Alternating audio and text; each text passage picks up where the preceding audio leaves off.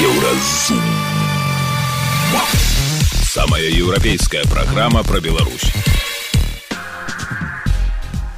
Вітаю гэта праграма еўразум і самая важная падзеі сэнсы чацвярга першага лютага. Навошта прапагандысты ідуць у дэпутаты? Толькі вось 15 чалавек штосьці там прамаўлялі выступалі там у нейкіх сюжэтах давалі нейкі каментар.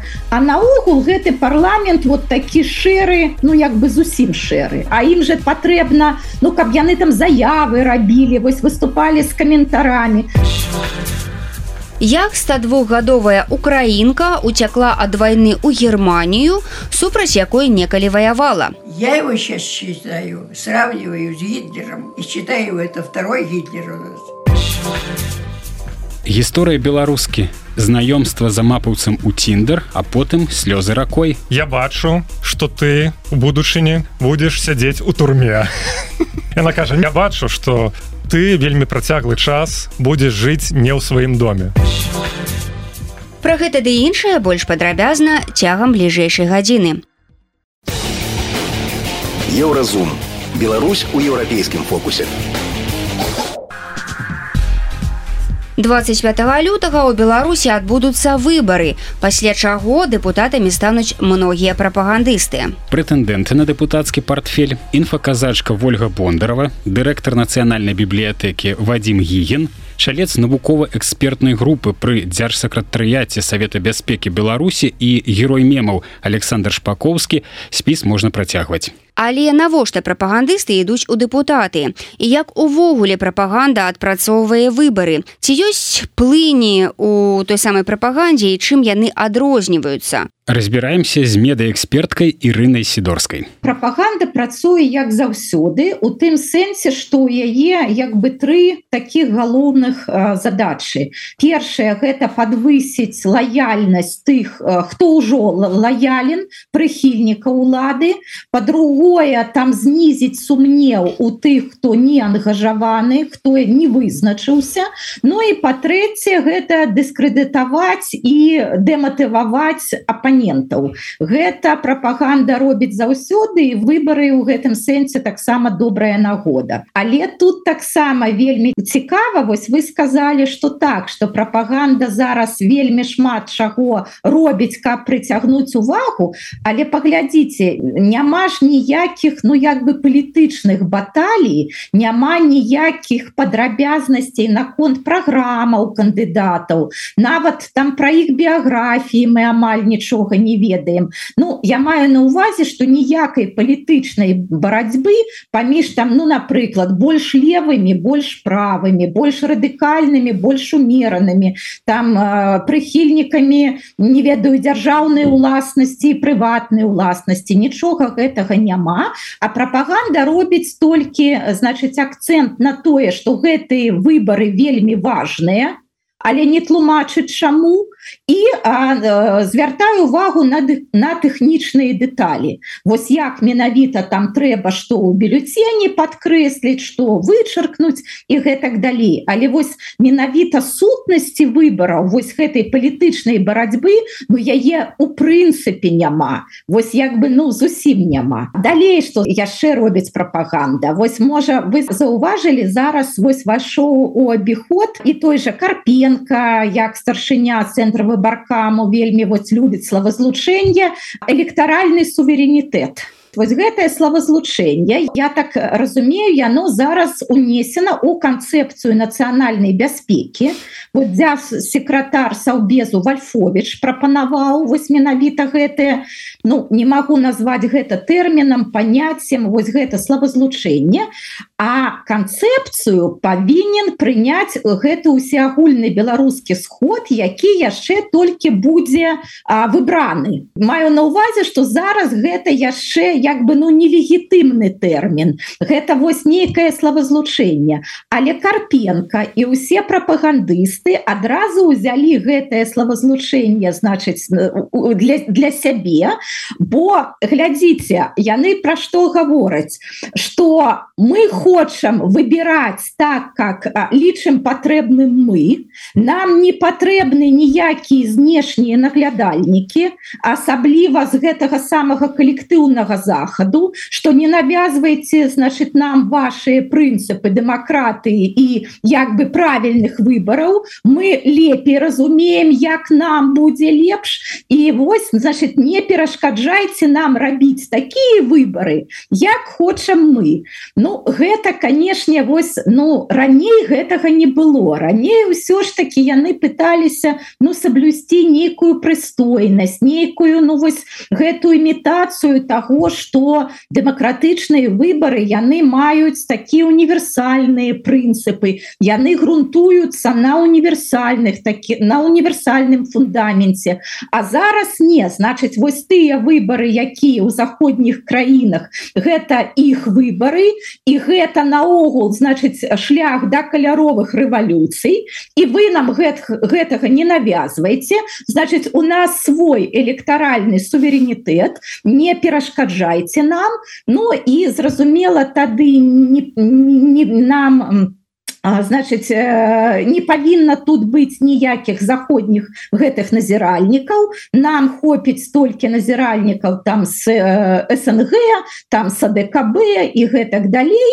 Ну і таксама тут же тут вось адпрацоўваюць наратыв гэтага варожага калектыўнага захаду что вось яны нам не не тое что там не сябры яны нам не партнёры яны ворагі у іх там іншыя не нейкія мадэлі хай яны нам не перашкаджаюць. Вось гэты э, антызаходні наратыў ён працуе. І вось яшчэ яшчэ раз да палітычнай самой барацьбы. Яе наогул ніякай няма.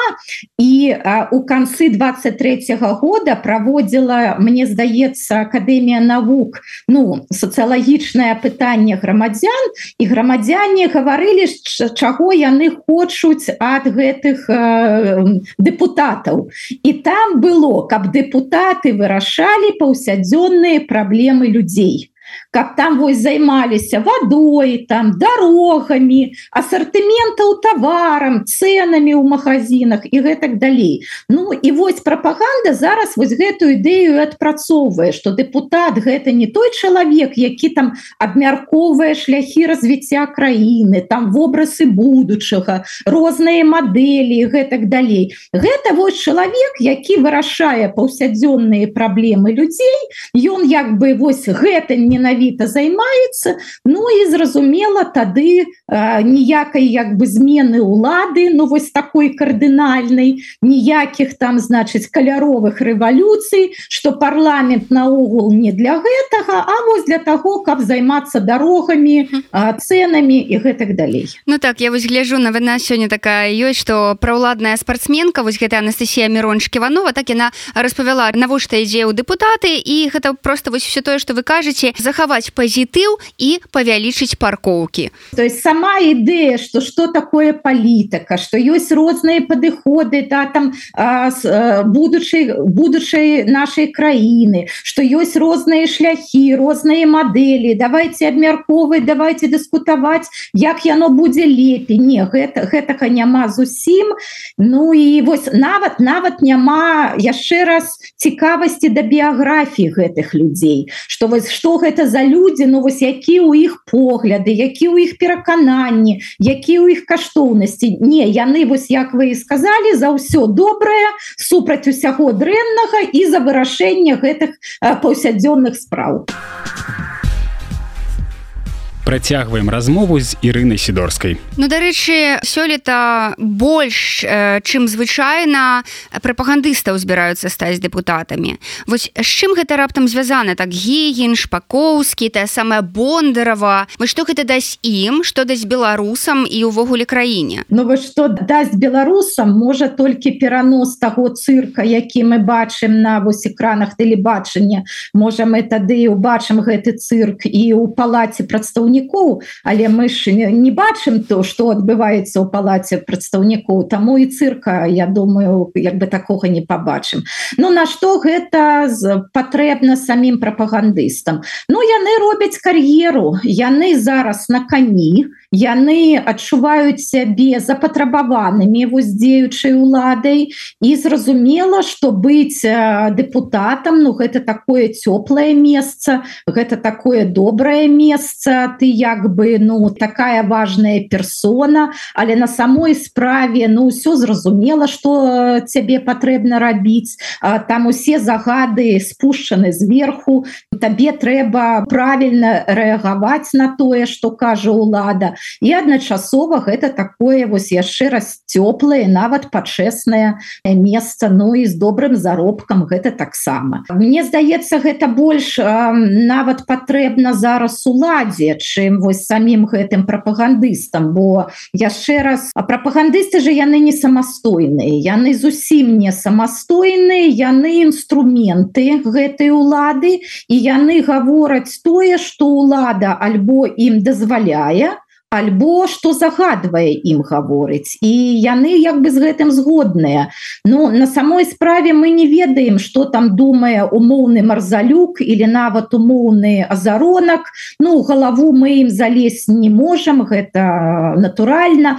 Але нават ну вось яшчэ раз яны будуць выказваць толькі тое что і можна і патрэбна будзе выказваць. І таму вось мне здаецца что дзяржаве ну не дзяржаве нават нават рэжыму дзеючай уладзе ёй па-першае патрэбны ну каб парламент быў не Ну можа ледзь больш але а, такі яскравы больш такі ну э, такі так з нейкім рухам з нейкім вось таким эмпетам каб усё ж такі імітаваць вось гэтую палітычную барацьбу бо лада глядзіце яна ж вось э, мне здаецца что яе зараз галоўны інструмент гэта імітацыя Вось яна імітуе імітуе выборы імітуе там законнасць і гэтак далей і вось зараз яна хоча імітаваць у парламенце гэтую палітычную барацьбу і калі будуць штосьці абмяркоўваць там два прапагандысты ну языкі у іх подвешаны яны будуць рабіць гэта больш-менш яскрава. Ну і на, трэба же каб хтосьці ухваляў Александра рыгора Григоровича не толькі ж там Наталья качанова павінна гэта рабіць. У яе як бы гэта нядрэнна атрымоўваецца але хай яшчэ будуць такія людзі якія таксама ну цікава і як бы так яскрава ухваляюць лукашенко і прапагандысты будуць гэта рабіць. Вось я зараз нават прыпомніла что спецыялізаваны ресурс медыQ рабіў моніторинг і вось со 110 дзеючых парламентарыяў у гэты навінавы моніторинг ну штосьці трапіла чалавек толькі 15 гэта значит что толькі вось 15 чалавек штосьці там прамаўлялі выступали там у нейкіх сюжэтах давалі нейкі каментар. А наогул гэты парламент вот такі шэры ну як бы зусім шэры. А ім же патрэбна ну каб яны там заявы рабілі вось выступали с каментарамі. Спадарня Ірына раз мы ўжо узгадалі марзалюка я адразу успамінаю гэтую сітуацыю апошнюю про тое што ў яго ў галаве. Мы э, беларусы еўрапейцы а не еўразіцыі так нядаўна ён заявіў пачалося дыскусія батлы з яго ж паплечнікамі. Так маўляў як это мы еўрапейцы? Што ж гэта такое? Мы не еўрапейцы ніякія так? Як вы ставіцеся да таго што прапагандысты як бы дзеляцца на тых хто выступае за Беларусь э, савецкую але Беларусь і на тых хто ну реально падтрымлівае русский свет ці сапраўды ёсць такое падзяленне у прапагандзе? І наколькі яно натуральнае? Что что гэта нясе? Так на маю думку ёсць такі падзел і вось менавіта гэта адні за савецкую Беларусь а, безумоўна за савецкую там дзе моцная ўлада дзе дзе вось гэтыя правы чалавека не вельмі патрэбны. Але ўсё ж таки дзе Беларусь ну самастойная суверэнная дзяржава. І другая плынь гэта такі адкрытыя русские рускаміраўцы адкрыта прарасійскія людзі для якіх ну на самой справе як бы якія адмаўляюцца ад нацыянальнага суверэнітэту якія адмаўляюцца ад уласнай гісторыі і там нават здзекваюцца з беларускай мовы беларускіх герояў і гэтак далей. А, так вось склаліся на самой справе дзве таких плыні. На маю думку гэта адлюстраванне барацьбы групіровак і плыня ва ўладзе. Бо яшчэ раз прапаганда не самастойная не так важно что там думае умоўны марзалюк на самой справе але ён як бы абслугоўвае вось тую групіроўку вось гэтых савецкіх беларусаў ва ўладзе которые ўсё ж таки ну хотели б жыць як бы так мовіць уласным жыццём ва уласнай кватэры якія не хотели б нейкага аб'яднання з Россией что так мы там з Россией братэрскія народы но але але мы живем там у сваей у сваёй кватэры кватэры А ёсць вось гэта групіроўка рускаміраўцаў і яна зразумела на жаль зараз больш і нават па прапагандыстах мы гэта бачым. Вось акрамя марзалюка так не асабліва і каго мы можам да таких савецкіх беларусаў аднесці. Значна больш пералік прапагандыстаў адкрыта прарасійскіх і гэта на маю думку адлюстровую ідэю што вось гэтыя прарасійскія особы ва ўладзе яны ну атрымліваюць усё больш і больш моцы. А зараз яны яшчэ не перамаглі яны яшчэ не з'елі ўсё беларускае але на жаль ну вось яны зараз ва ўладзе яны на кані. Ну а так адбываецца таму что лукашенко паставіў захаванне сваёй улады галоўнай мэтай. а У эфіры еўрарадыё была медыяэкспертка, прафесарка Ірына Сідорская. Яна патлумачыла, чым пагражае Беларусі рускамірнасць прапагандыстаў і чаму яны вырашылі акупаваць парламент. Еўрарадыё кропка FM.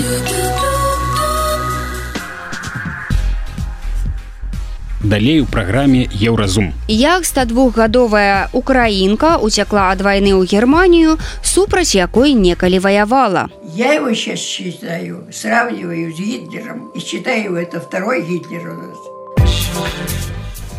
гісторыя беларускі. Знаёмства з амапаўцам у тиндер а потым слёзы ракой. Я бачу что ты у будучыні будешь сядзець у турме. Яна кажа я бачу что ты вельмі працяглы час будзеш жыць не ў сваім доме. Сустрэнемся пасля навінаў спорту.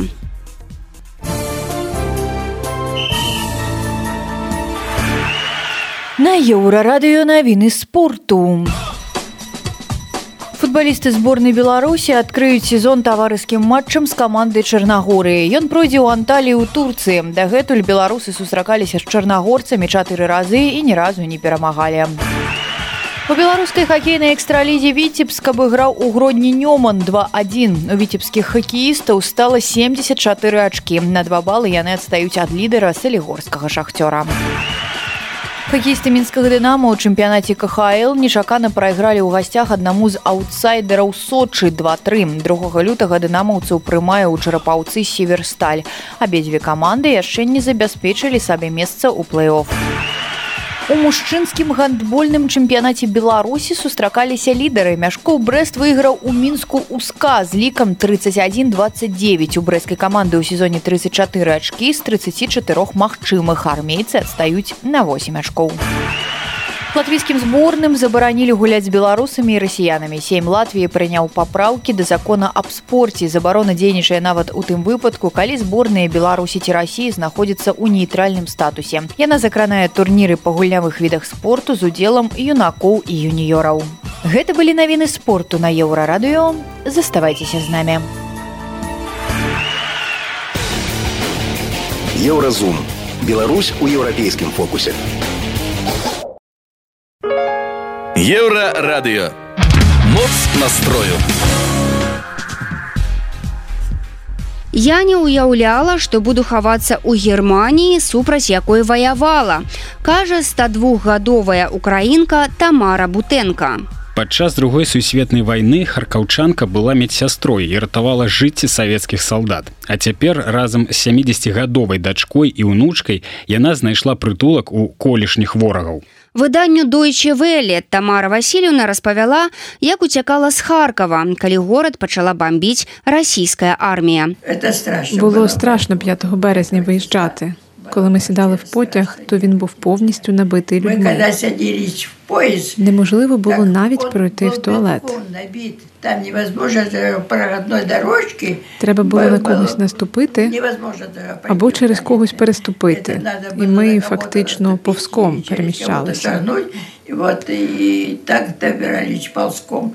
Потім От ми прибули до Львова, во Львов. а вже потім на пропускний пункт до Польщі. І далі вже тільки дивом через Краків ми потрапили сюди, до Німеччини. Мы попали вот сюда, здесь сюда, в Германию.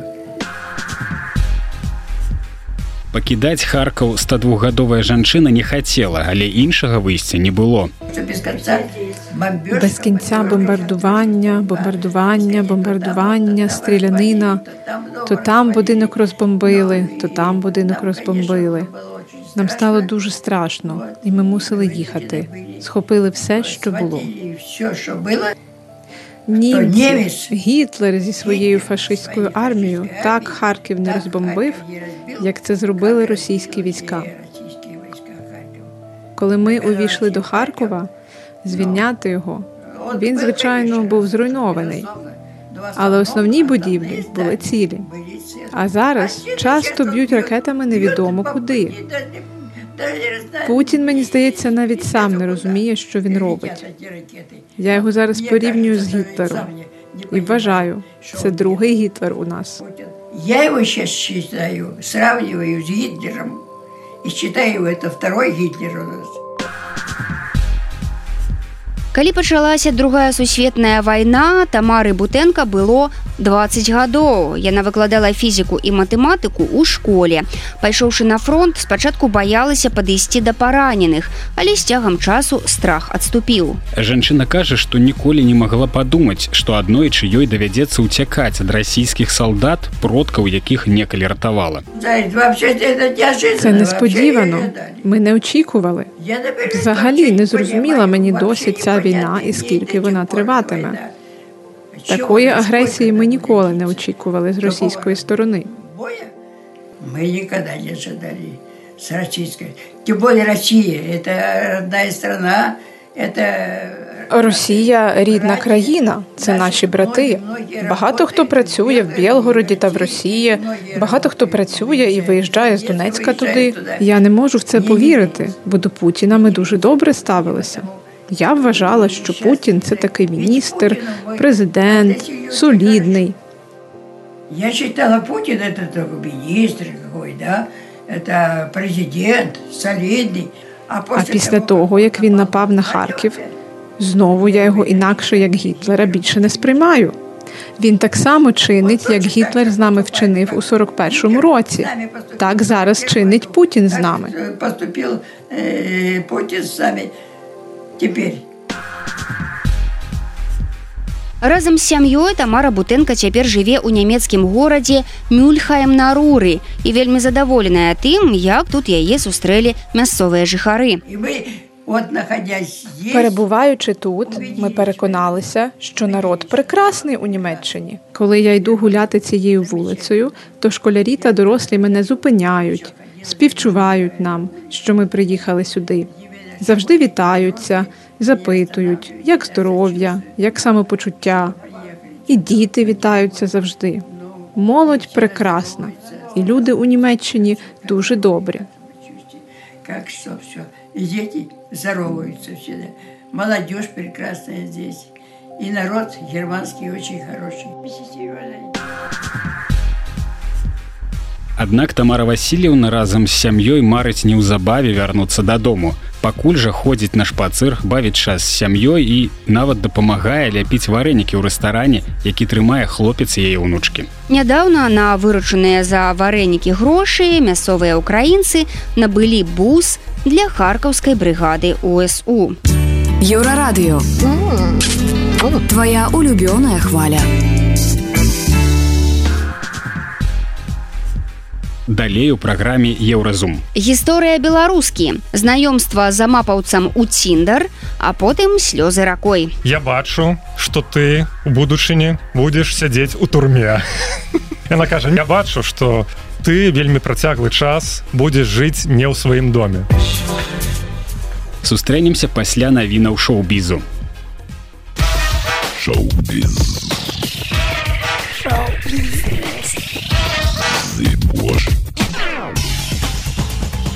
Вітаю гэта навіны шоу-бізу праблемы гурта бі2 у Тайландзе былі выкліканы спецыяльным заказам рускага консульства на гурт. Пра гэта заявіў у аэрапорце дэлявіва ягор бортнік лёвы бі2 Ён паляцеў першым яшчэ 30 студзеня, а учора сустракаў у аэрапорце калега ў астатніх удзельнікаў гурта іх шасцёра. Бортнік яшчэ раз паўтарыў, што не мае намеру больш жыць у рассіі. Музыкі падзяквалі ізраільскім і аўстралійскім дыпламатам за дапамогу, а родным і прыхільнікам за падтрымку. На мінулым тыдні іміграцыйная служба Тайланда затрымала ўдзельнікаў бі2 пасля канцэрту на пхукеце. У расійскім генконсульстве заявілі, што нагодай зрабілася праверка законнасці адсутнасці падстаў для ажыццяўлення канцэртнай дзейнасці. Музыкі казалі, што арганізатар мерапрыемства ў Тайландзе няправільна аформіў дакументы. Арганізатар кампанія VPI Event пацвердзіла, што візы для ўдзельнікаў гурта былі аформленыя некарэктна і гэта прывяло да парушэння міграцыйнага заканадаўства Тайланда. У панядзелак з'явілася інфармацыя, што Ізраіль гатовы прыняць усіх музыкаў. Музыкі неаднаразова выступалі супраць вайны рассіі ва ўкраіне. Акцёр Алек Болдуін не прызнаў сябе вінаватым па новым абвінавачванні ў ненаўмысным забойстве ў сувязі са смяротным інцыдэнтам на здымках вестерна раст у 2021 65гадовы болдуін падаў адпаведныя дакументы ў суд акругі санта-фе за дзень да запланаванага афіцыйнага прад'яўлення яму абвінавачвання пасля таго як 19 студзеня 2024 года вялікая журыню мексіка у другі раз вырашыла даць ход гэтай справе. Раней акцёру было прад'яўлена абвінавачвання ў ненаўмысным забойстве. Ахвяры лічыцца аператор галіна хатчынс якая была застрэлена на здымачнай пляцоўцы з пісталета які знаходзіўся ў руках болдуіна. Апошні сцвярджаў што не націскаў на курок і не ведаў што ў абойме аказаўся баявы патрон. у зорка постапакаліптычнага трылера. 28 дзён праз кілян мёрфі вернецца ў сіквал знакамітага фільма 2002 года дэні бойла ў якасці выканаўчага прадюсера і магчыма акцёра. Паводле інсайдерскай інфармацыі соня была правы на пакет 28 гадоў праз які складаецца з двух фільмаў сіквелаў. Дэні бойл і сцэнарыст арыгінальнай карціны алекс гарленд напішуць сцэнарый да першага фільма які здымі бойл. Што да другога фільма сцэнарый да якога таксама падрыхтуе алекс гарланд то імя яго пастаноўшчыка будзе названа пазней. Кілян мёрфі выступіць у якасці прадюсера абедзвюх частак бюджэт кожнай паводле неафіцыйнай інфармацыі складзе каля 60 мільёнаў долараў. Дэталі аб сюжэтах карці карцін пакуль не выдаюцца. Гэта былі навіны шоу-бізу, заставайцеся на хвалях еўрарадыё. Еўрарадыё. Твая улюбёная хваля.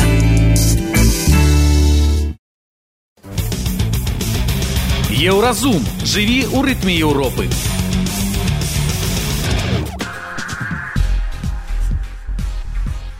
Славутыя сусветныя бренды працягваюць ірваць сувязі з Беларусю праз яе статус паўнавартаснага агрэсара ў вайне супраць Украіны. 15 лютага з нашай краіны сыдзе і папулярны сервіс знаёмстваў Тіндер. Раней гэта зрабілі баду і бамбл.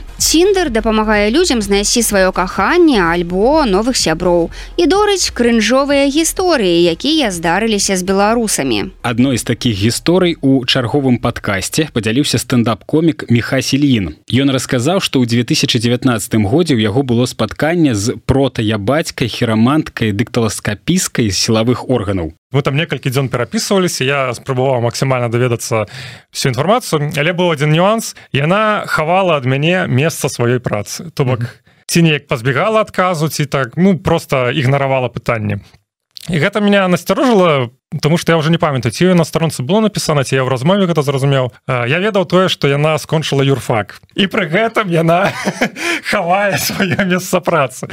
Ну, ведаеш ну, такія подазрэнні так. Як у любого беларуса что няўжо яна працуе в нейкіх органах? Ну типа ну можа не ментовка можа там не mm -hmm. суд нейкі можа прокуратура можа там следчы камітэт можа КДБ ну все что заўгодна можа быть Ну і калі мы здесь сустрэліся нейкі быў я такі пэўны вайп чалавека які працуе ў дзяржсістэме ну, яшчэ у нее не было такого ведаеш гэтага начосу. Mm -hmm. але ведаеш такі типаж что ну праз год 10 ён хіба з'явіцца Ну карацей яна выніку я такой поставіў для себя мэту я даведаюся дзе ты працуеш я... гэта будзе мэта мы нашага сённяшняго спаткання ты ад мяне гэтага не схаваеш я запытаў дзе яна працуе яна мне адказала аказалася что я она ну, я быў блізкі да сваіх думак тое што на працуе нейкіх органах. Карце яна была экспертам крыміналістам mm -hmm. які менавіта займаецца дактиласкапіяй то бок наколькі я разумею гэта что хто гэтым займаецца? Дзяржаўны камітэт судовых экспертыз. Mm, no. то бок раней гэта ведомство належала міністэрству юстыцыі. Вкіпедыя Ну я правяраў гэта пазней. Mm -hmm.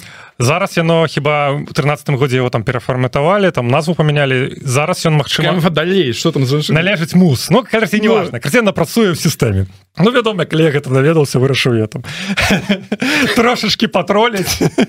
Ну ведаш як там трошачки ну там кшталту як табе працуецца на крывавы рэжым ну, такое. Трэба разумець что гэта быў 19 год. Mm -hmm. это было яшчэ да ўсіх падзеяў двадца -го году.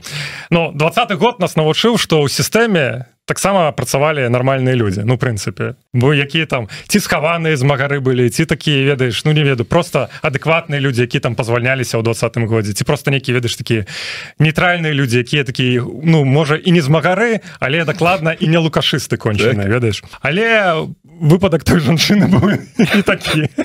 Бо яна аказалася ну просто жорсткай такой жорсткай я бацькай ну просто там. Прычым нават па мерках 19 -го года. Ну у е зробень яе лукашызма быў такі ведаеш ну як зараз у азаронка mm -hmm. нават ну у прапагандыстаў такой часу такого не было. Ну там там літаральна ведаеш там весь спектр усіх шаблонаў прапагандысцкіх таких самых жорсткіх ну, кшталту там. Вот у нас нормальная страна у нас стабільна у нас все хорошо не то что в этой гейропе там мужики женятся у нас вот лукашенко Путин они не женятся.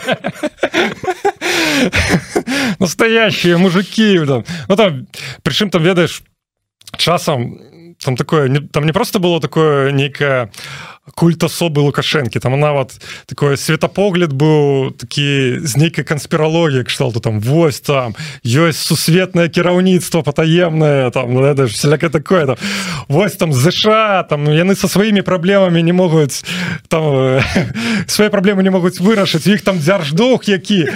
З ёй адзін правёў там просто жорсткі спектр всего лукашызму я сапраўды я як чалавек які журналістам працуе все астатняе по працы сутыкаўся з лукашыстамі але я не думаў что ну бываюць уже такого зроўня я таких бачу ну, толькі там в нейкіх мемах там яны же там відосах там вот вот эту пазіцыю шкуры снег надо драйс на памяти гэты мем. Ну, да. які быў пачатку трека гурта девейшн ладно. А, ну да да да. Так карацей. Жорсткая лукашыска ведаеш я сам сёй сітуацыю уже хірею але той же час мне яшчэ вельмі смешна я такой ну подсёбаю прашыць працягу подсёбаць дзе вы былі ну то бок дай контакт вы цэнтральным сидзелі что гэта мы просто шлі по вуліцы по менску я не ведаю там там гісторыю асабістага жыцця гэта жачы але я не ведаю чым была фішка але невзіраючы на все мои гэтыя пад'ёмы тое маё там прызданне что там змагары незалежны журналіст я не ведаю Магчыма я неяк так спадабаўся бо ну для мяне было вырашана чым гэта мерапрыемства скончыцца. Для меня такое хутчэй бы гэта все скончылася я іду дадому. Все цётенька отпусціце мяне. Яна відаць хацела яшчэ нейкага ну там не ведаю ну, працягу ці не але там пазнаёміцца дакладна хацела больш. Бо яна так невзіраючы на все мои под троллинг все равно там спрабавала соскачыць тэмы і неяк змяніць яе яна такая кажа Ой ну что мы там все про мяне да про мяне давай про цябе что-небудзь даведаемся я таки кажу ну Окей запытывай что хочешь ты нам мне кажа такую фразу Ну навошта мне запытваць я і так сама могу все распавесці про цябе гэта не тая фраза якую ты хочешь шуць чалавека які працуе на органы. Я такі что але гісторыя атрымлівае нечаканы працяг так. Ну карацей я кажу в сэнсе ты там можешь распесці про мяне да я такі ну адразу з таким наездом бо ну першая моя думка что там не ведаю пайшла там да нейкага знаёмого ебіста нейкую папу тэчку там достала про мяне она кажа я эксперт по херамансе я спецыяліст я такі я не ведаў что в дзяржаўным камітэце дзяржаўны судовых экспертыз есть такая спецыяльнасць ну Она такая не сур'ёзная гэтым давно цікаўлюся у гэтым вельмі прашараная я такі ну думаю Окей лукашызм пасцібалі теперь будем сціваць сваю херамантію я такі ну Окей там можешь мне по руцэ пагадаць мы прадказаць мою будучыню такая увогуле лёгка такая бярэ мою далонь глядзіць на мою далонь такая я бачу что ты у будучыні будешь сядзець у турме Яна кажа я бачу что ты вельмі працяглы час будзеш жыць не ў сваім доме я таки кажу дык можа я просто буду здымаць кватэру такая ну ці так Еўрарадыё вырашыла працягнуць тэму і адшукала беларуску, якую 21 годзе пашчасціла праз ціндар паразмаўляць за мапаўцам. Як гэта было, распавядаем у нашым рэпартажы. На той момант Сашы было 26 гадоў. У ціндер яна звычайна не заседжвалася. Заходзіла на 3-4 дні, а потым выдаляла аккаунт. Маўляў, і людзей паглядзець і сябе паказаць. У нейкі момант у яе здарыўся мэч з маладым чалавекам, пра якога зараз і пойдзе гаворка. Хлопец нічым асабліва не вызначаўся. Ён быў высокі, дужы 27 гадоў. У профілі былі фоткі з нейкіх падарожаў. Напісаў мне праз пару дзён. Спачатку дыялог быў супер бязладны. Вітаю, як маешся, ну і гэтак далей. Нічога надзвычайнага звычайнага. Мы не спрабавалі пазнаёміцца бліжэй але аднойчы ён прапанаваў пастэлефанавацца і пагаманіць. Думаю яму просто лягчэй было размаўляць чым набіраць паведамленне ну я пагадзілася Спачатку Саша звярнула увагу на ліслівы голас. Ён быў і хітры і агідны адначасова. У інтанацыі чыталася пыха. Малады чалавек шмат пытаў у яе пра працу, мэты на жыццё, чаго яна хоча ад адносін, пры гэтым ігнаруючы пытанні пра яго працу. Ён шмат казаў пра сям'ю, як моцна хоча дзяцей. казаў, што прама цяпер гатовы будаваць трывалыя адносіны з думкай пра вяселле. Вядома, гэта не зусім супадала з маімі жыццёвымі прыярытэтамі. Тады я подумала, блин, цікава, упершыню сустрэла хлопца хлопцы які так шчыра про гэта гаворыць. А потым размова чамусьці зайшла про тое что ён любіць страляць. І я ў каторы раз спытала дзе ж ён усё-таки працуе. Па словах Сашы калі яна пачула кароткі адказ у амапе у яе ўсё аднялося. Ну мяне быццам на секунду застапарыла і я адказала а ну я не буду пытацца ці падабаецца табе а ён адказвае Не ну чаму? Падабаецца. Прафесія вельмі цікавая галоўная злабадзённая я паспрабавала са скожай стэма але ён працягваў. Дык а што заробак капае кватэру далі. Нічога асабліва не робіш урываешься ў кватэры дзверы з нагі выносіш. Нормально нормально яны самі ўсе вінаватыя што выбралі няправільны бок. Гэтыя словы дзяўчыну моцна зачапілі. Яна не разумела як чалавек можа казаць што яго галоўная каштоўнасць у жыцці сям'я калі ён сам разбурае чужыя сем'і. Ён расказваў з вясёласцю ў голасе яго гэта як быццам забаўляла ён ганарыцца гэтым і адчувае шчырае задавальненне ад сваёй працы. Яна выклікае ў яго цікавасць яму падабаецца. Для яго гэта просто непыльная работка. Я слухала гэта і знаходзілася ў перманентным шоку. Яшчэ ён расказаў Сашы што займаўся нейкім відам адзінаборстваў. Паступіў у каледж пасля 9 класа а адтуль пайшоў служыць бо заўсёды хацеў там працаваць. Ну пасля гэтага ён паклікаў мяне на спатканне. Я паспрабавала зрабіць выгляд что падумаю ўсё такое. На гэтым размовы скончылася. Потым я без перастанку рыдала яшчэ гадзіна дзве я ніколі з такімі людзьмі не мела стасункаў і заўсёды была ўпэўненая что ўсе разумеюць дзе добро дзе зло но нават тыя хто на цёмным баку гэта ж відавочна але аказалася что для іх гэта наогул невідавочна яны ганарацца гэтым выхваляюцца ён не просто тупо выконвае загады у яго рэальна змянілася свядомасць. Для яго гэта нормально штодзённа паўсядзённа. Пасля гэтага ён яшчэ раз паклікаў сашу на спатканне і яна ветліва адмовілася спадзяюся наогул я люблю хадзіць на спатканне часам дзеля цікавасці або якога-небудзь сюжэтнага павароту. Але толькі не з ім я б нават по тэлефоне з ім больш ніколі не загаварыла не кажучы ўжо пра спатканне. І без таго і зазнала занадта вялікі стрэс нават не спадзяючыся на такі досвед. Інфармацыйная служба еўрарадыё Гэта была праграма Еўразум, штодзённы інфармацыйны падкаст еўрарадыё. Кожны дзень мы распавядаем пра самыя галоўныя навіны Беларусі і свету. А сённяшні выпуск скончаны. Беражыце сябе. Пачуемся. Еўразум. Самая еўрапейская праграма пра Беларусь.